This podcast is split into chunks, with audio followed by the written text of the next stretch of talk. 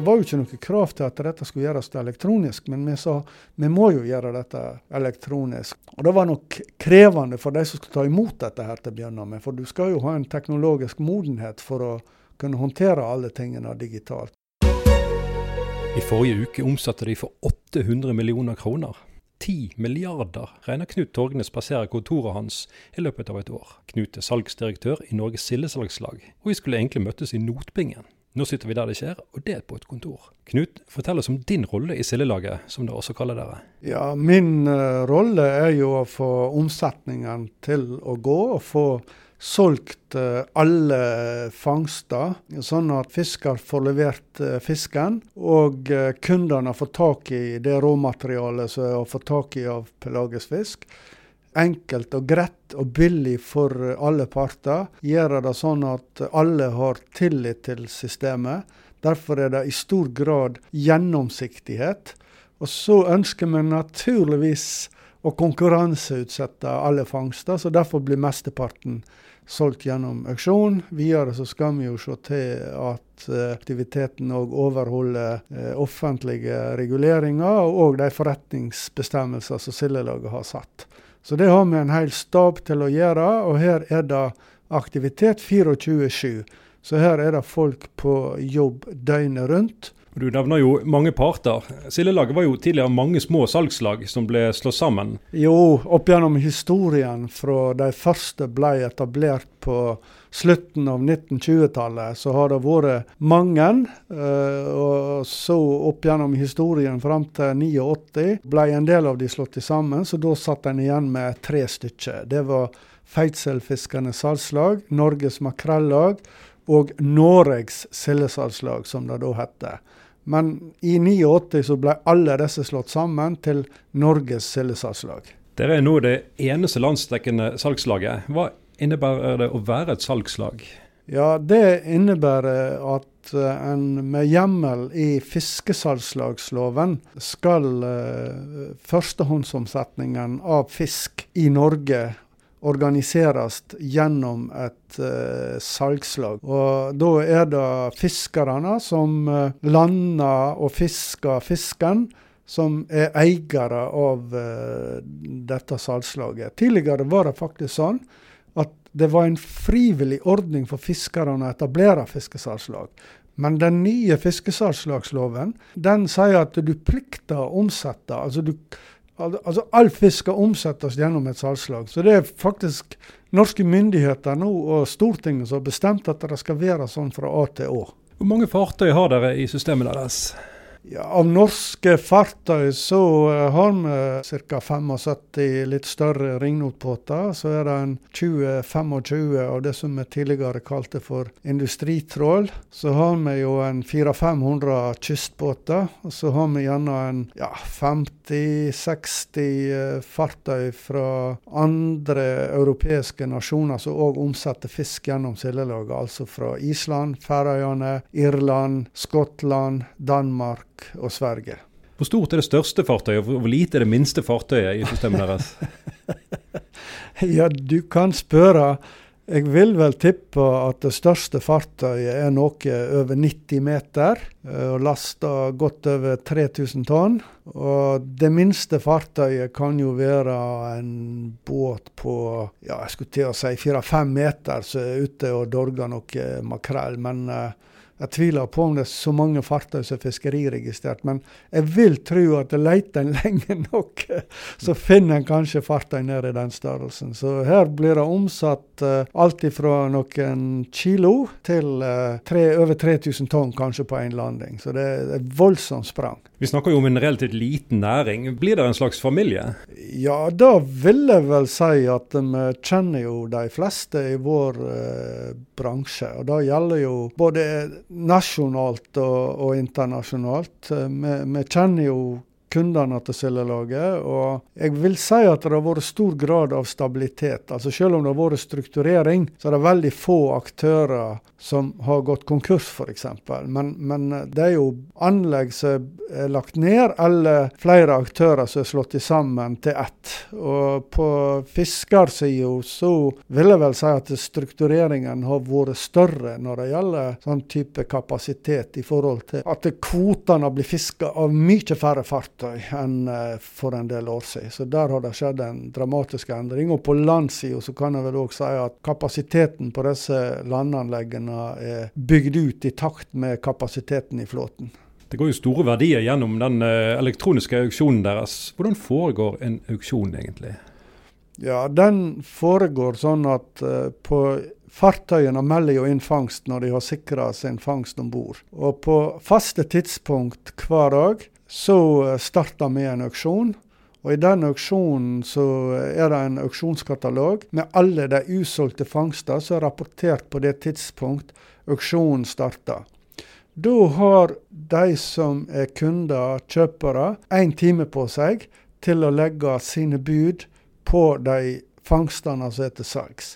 Og Det de gjør da, det er at de eh, legger inn naturligvis et bud i form av en pris de, de, kan by på alle fangstene som ligger i auksjonen, men de prioriterer mellom de. Så de kan sette opp en prioritering av hvilke fangster de ønsker hvis de får tilslag. De har ikke kapasitet til å kjøpe alle. Så de kan legge en begrensning i forhold til maks antall fartøy. De kan legge en begrensning i forhold til maks antall tonn. Og de kan òg si minimum antall tonn. Så hvis de ikke får det, så kan de si at de vil ikke ha noe ting. Altså Det er jo satt opp algoritmer for dette her, rett og slett. Sånn at når en time er gått, så detter hammeren. Og da er det algoritmen som er forhåndsprogrammert, da, som uh, bestemmer hvilke fartøy som skal gå til hvilken kjøper. Men prinsippet er jo at uh, høyeste pris vinner. Så sånn er det. Så blir eh, resultatet da formidla til eh, både de som er fiskere, altså leverandører, og til, til kjøperne. De kan òg koble seg opp imot systemet i etterkant for å se alle budene som er gitt, hvilken prioritering som er gitt, hvem som bydde i auksjonen hvilke fangster som er for salg i auksjonen osv. Så, videre. så det er gjennomsiktighet, sånn at partene kan òg validere det som er gjort, for å se at uh, auksjonen har gjort rett i forhold til de reglene som, som, som er satt. Stikkordet her er vel kommunikasjon, og dere var tidlig ute med digital registrering på 90-tallet. Og du har selv vært i Sildelaget siden 1994. Hvordan var virkeligheten før dette? Ja, før den tid så Eh, ble jo òg eh, fangster meldt inn til Norges sildesalgslag. Og Da satt det folk eh, på, i en telefon og tok imot eh, disse meldingene. Og Da ble alle disse fangstregistreringene sirlig notert i uh, bøker for uh, alle de ulike fiskeslagene. For lodda, for sild, for makrell, for brisling osv. Og, og så ble da kjøpene formidla uh, etter hvert. Altså Det var jo ikke alltid det heller tilbake igjen i den tid. Da var det sånn at fartøyene ble dirigert for landing i forhold til hvor kunder hadde kapasitet, og hva som var mulig å få til. Og en hadde òg ordninger med sånn type seilingsdistanse, sånn at belastningen skulle bli like stor på alle. Det var kanskje systemer med prisutjamning, og, og, det var mye folk. Og da var det jo kontorer over det hele. Altså Tilbake igjen i tid så var det kontor i Fredrikstad, i Egersund, i Haugesund, i Bergen, i Florø, i Ålesund. I Rørvik, i Harstad, Bodø, Tromsø, Honningsvåg, Vadsø, Vardø. Så det var et helt apparat som var i sving. Hva skjedde på 90-tallet? Det sies jo at dere fikk drahjelp fra Blomster. Disse lagene ble jo slått sammen da i 89, og da var det jo allerede begynt med IT-systemer i de forskjellige eh, lagene som var etablert. Og Da måtte jo dette her koordineres og settes sammen. Så det var nå en jobb som måtte gjøres. Så holdt en jo på og kjørte auksjoner på Det var spesielt på nordsjøsild i den tida. En, en, en solgte sild til Danmark. Eh, men da fant han ut at dette kan jo gjerne gjøres eh, digitalt. Og da engasjerte en et eh, hollandsk firma som kjørte blomsterauksjoner. Og de utvikla da en elektronisk auksjon for oss, og en algoritme. Sånn at en kunne by på den måten. Og da var jo internett begynt å bli utbygd, så det var jo linjer sånn at de ulike aktørene kunne by på systemet elektronisk. Men når vi begynte i 92, så begynte vi vel først med makrell, hvis jeg ikke husker feil, høsten 92. Og da var det vel mange av kundene som ringte budene sine inn. Eller de brukte faks. så, så, dette her var en kombinasjon av digitale løsninger. Men, men det var jo sånn da at altså prinsippet i aksjonen var det samme. Det var en såkalt anbudsaksjon, som vi kaller det for. At du eh, gav et bud, og så ble det en validering etterpå. Så akkurat det prinsippet har vi holdt fast ved. Dette er jo også det som gjerne kalles for uh, effektivisering. Det er jo sånn type kvantesprang. Når du får ny teknologi og det åpner for nye muligheter, så vil jo de fleste etterspørre flere og flere tjenester. Men det er jo en sånn modningsprosess òg i forhold til å få tingene tatt i bruk. Det, det gjelder nok oss, og det gjelder jo de som er leverandører, altså fiskerne i systemet, og det gjelder kundene i systemet. Og Så skal du ha tillit til at elektronikken fungerer, du skal ha tillit til at valideringsreglene i auksjonen funker. Men, men det er en modningsprosess. Jeg vil si at det har gått ganske greit. Ny teknologi og nye muligheter kom med internett. Hvilke muligheter så dere da? Ja, vi lagde jo nettsider sjøl, naturligvis. Som alle andre med respekt for seg sjøl.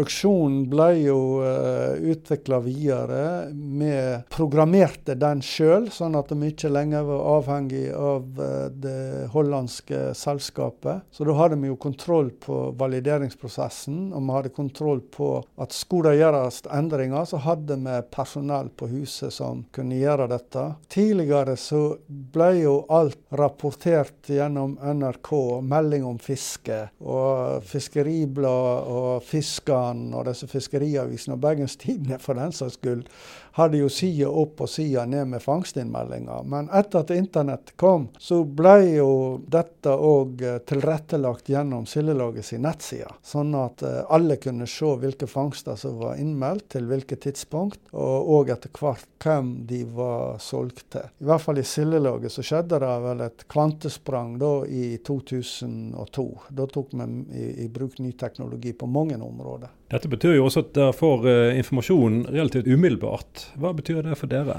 Altså Det er jo krevende òg når du er uh, å, produsere mer eller mindre online. Sant? Altså mot dine uh, omgivelser. Så du må være våken og ha fokus på nøyaktighet i prosessen. Og når vi holder på å omsette for så store verdier som vi gjør, det ja f.eks. bare dette med betaling, at det, at det går greit. At uh, ingen blir sittende i ei klemme. Vi har jo òg Fiskeridirektoratet og you name it, hvem som helst som skal følge med på dette her. Så, så, så det er rimelig krevende når du hele tida er online. Men da, i 2002, så etablerte vi en sånn, sånn, felles produksjonsplattform. Sånn at alt som skjedde på salg, alt som skjedde på økonomi, alt som skjedde òg via Sildelaget sin nettside, ble integrert i ett system. Ok, Når en fangst var registrert i innmeldingssystemet på salgsavdelingen, og en trykte på knappen, så ble det mer eller mindre samtidig eh, vist på nett. Vi hadde da en eh, IT-sjef, han Øyvind Harald Bolstad. Altså Det var masse sånn Eh, å, å, tenke på i forhold til kvoter og kvoteutnyttelse, og hvor mye har enkelte fartøy fiska osv. Så, videre. så det han gjorde, var rett og slett at tok alle disse J-meldingene for de pelagiske fiskeriene, så hvilke regler som var der, programmerte de og etablerte et system sånn at vi hadde oppdaterte kvoter både på på totalen i de ulike fiskeriene, og en oversikt på kvoter på, på det enkelte fartøy. Så dette er noe som vi begynte tilbake igjen i, i 2002-2003.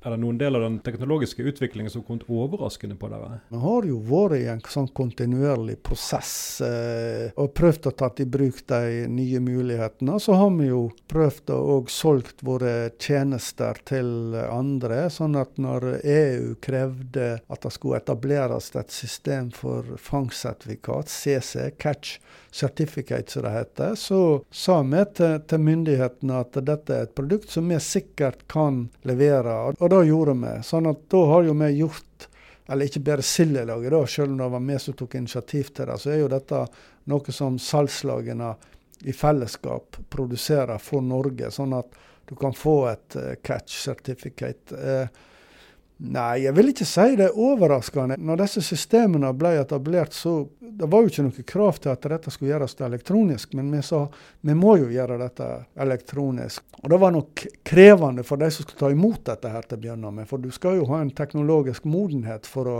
kunne håndtere alle tingene digitalt. Men jeg, jeg, vil si at det har gått greit. Dette her med elektronisk signatur, som òg var et resultat av CC, eh, det kom vel sånn hos oss rundt 2012. Og så får du jo ny teknologi, nye krav til sånn autentisering og pålogging. og ja, Så det er kontinuerlige prosesser, rett og slett. Ting blir forenkla, men samtidig så, så krever det tett oppfølging. Noe ingen kunne forutse var korona. Har dere vært nødt til å rigge om, eller har systemene deres tatt høyde for situasjonen? Jeg vil si at når dette kom, så var vi kommet så langt digitalt at det gikk helt smertefritt. Altså De fleste systemene våre var i skyen. All produksjon kunne folk eh, gjennomføre fra hjemmekontor. De ulike medarbeiderne på salgsavdelingen satt hjemme og produserte. De ulike på økonomi gjorde det, på IT gjorde det. Så det fungerte. Vi var, vi var kommet i mål. men, men, det som eh, ble litt endra, det er jo måten å kommunisere på. ikke sant? Gjennom Teams og Webex og alle disse her systemene. Men det har gått eh, mer eller mindre glimrende. Men når du sitter på salgsbordet, og det er et meglerbord, da skjer det så veldig mye samtidig. Og da er det en fordel at de to eller tre eller fire som sitter rundt meglerbordet samtidig, kanskje lytter med et halvt øre på hva som skjer på nabobordet, fordi at plutselig så må han overta. Så det har vært litt krevende. Da, da klarer du ikke å få til. Men uh, det har gått greit. Rask teknologisk utvikling det kan kanskje være en, et hinder for uh, enkelte grupper i befolkningen. Dere har jo kanskje en del eldre fiskere i systemet? Altså Det er jo hver gang du eh, legger om eh, nettsida der folk eh, etter en periode er blitt vant med hvordan de navigerer for å finne fram til, til saker og ting. Så det har innimellom vært utfordrende. Og, og når nye versjoner blir lansert, så, så, får vi jo av og til telefoner hvor, hvor er ditt og hvor er datt. Det er nå det ene. Og så er det jo dette med brukernavn og, og passord. å huske det. Eh, det går på den elektroniske signeringen det, er en del av denne teknologien som krever spesielle plattformer, spesielle nettlesere.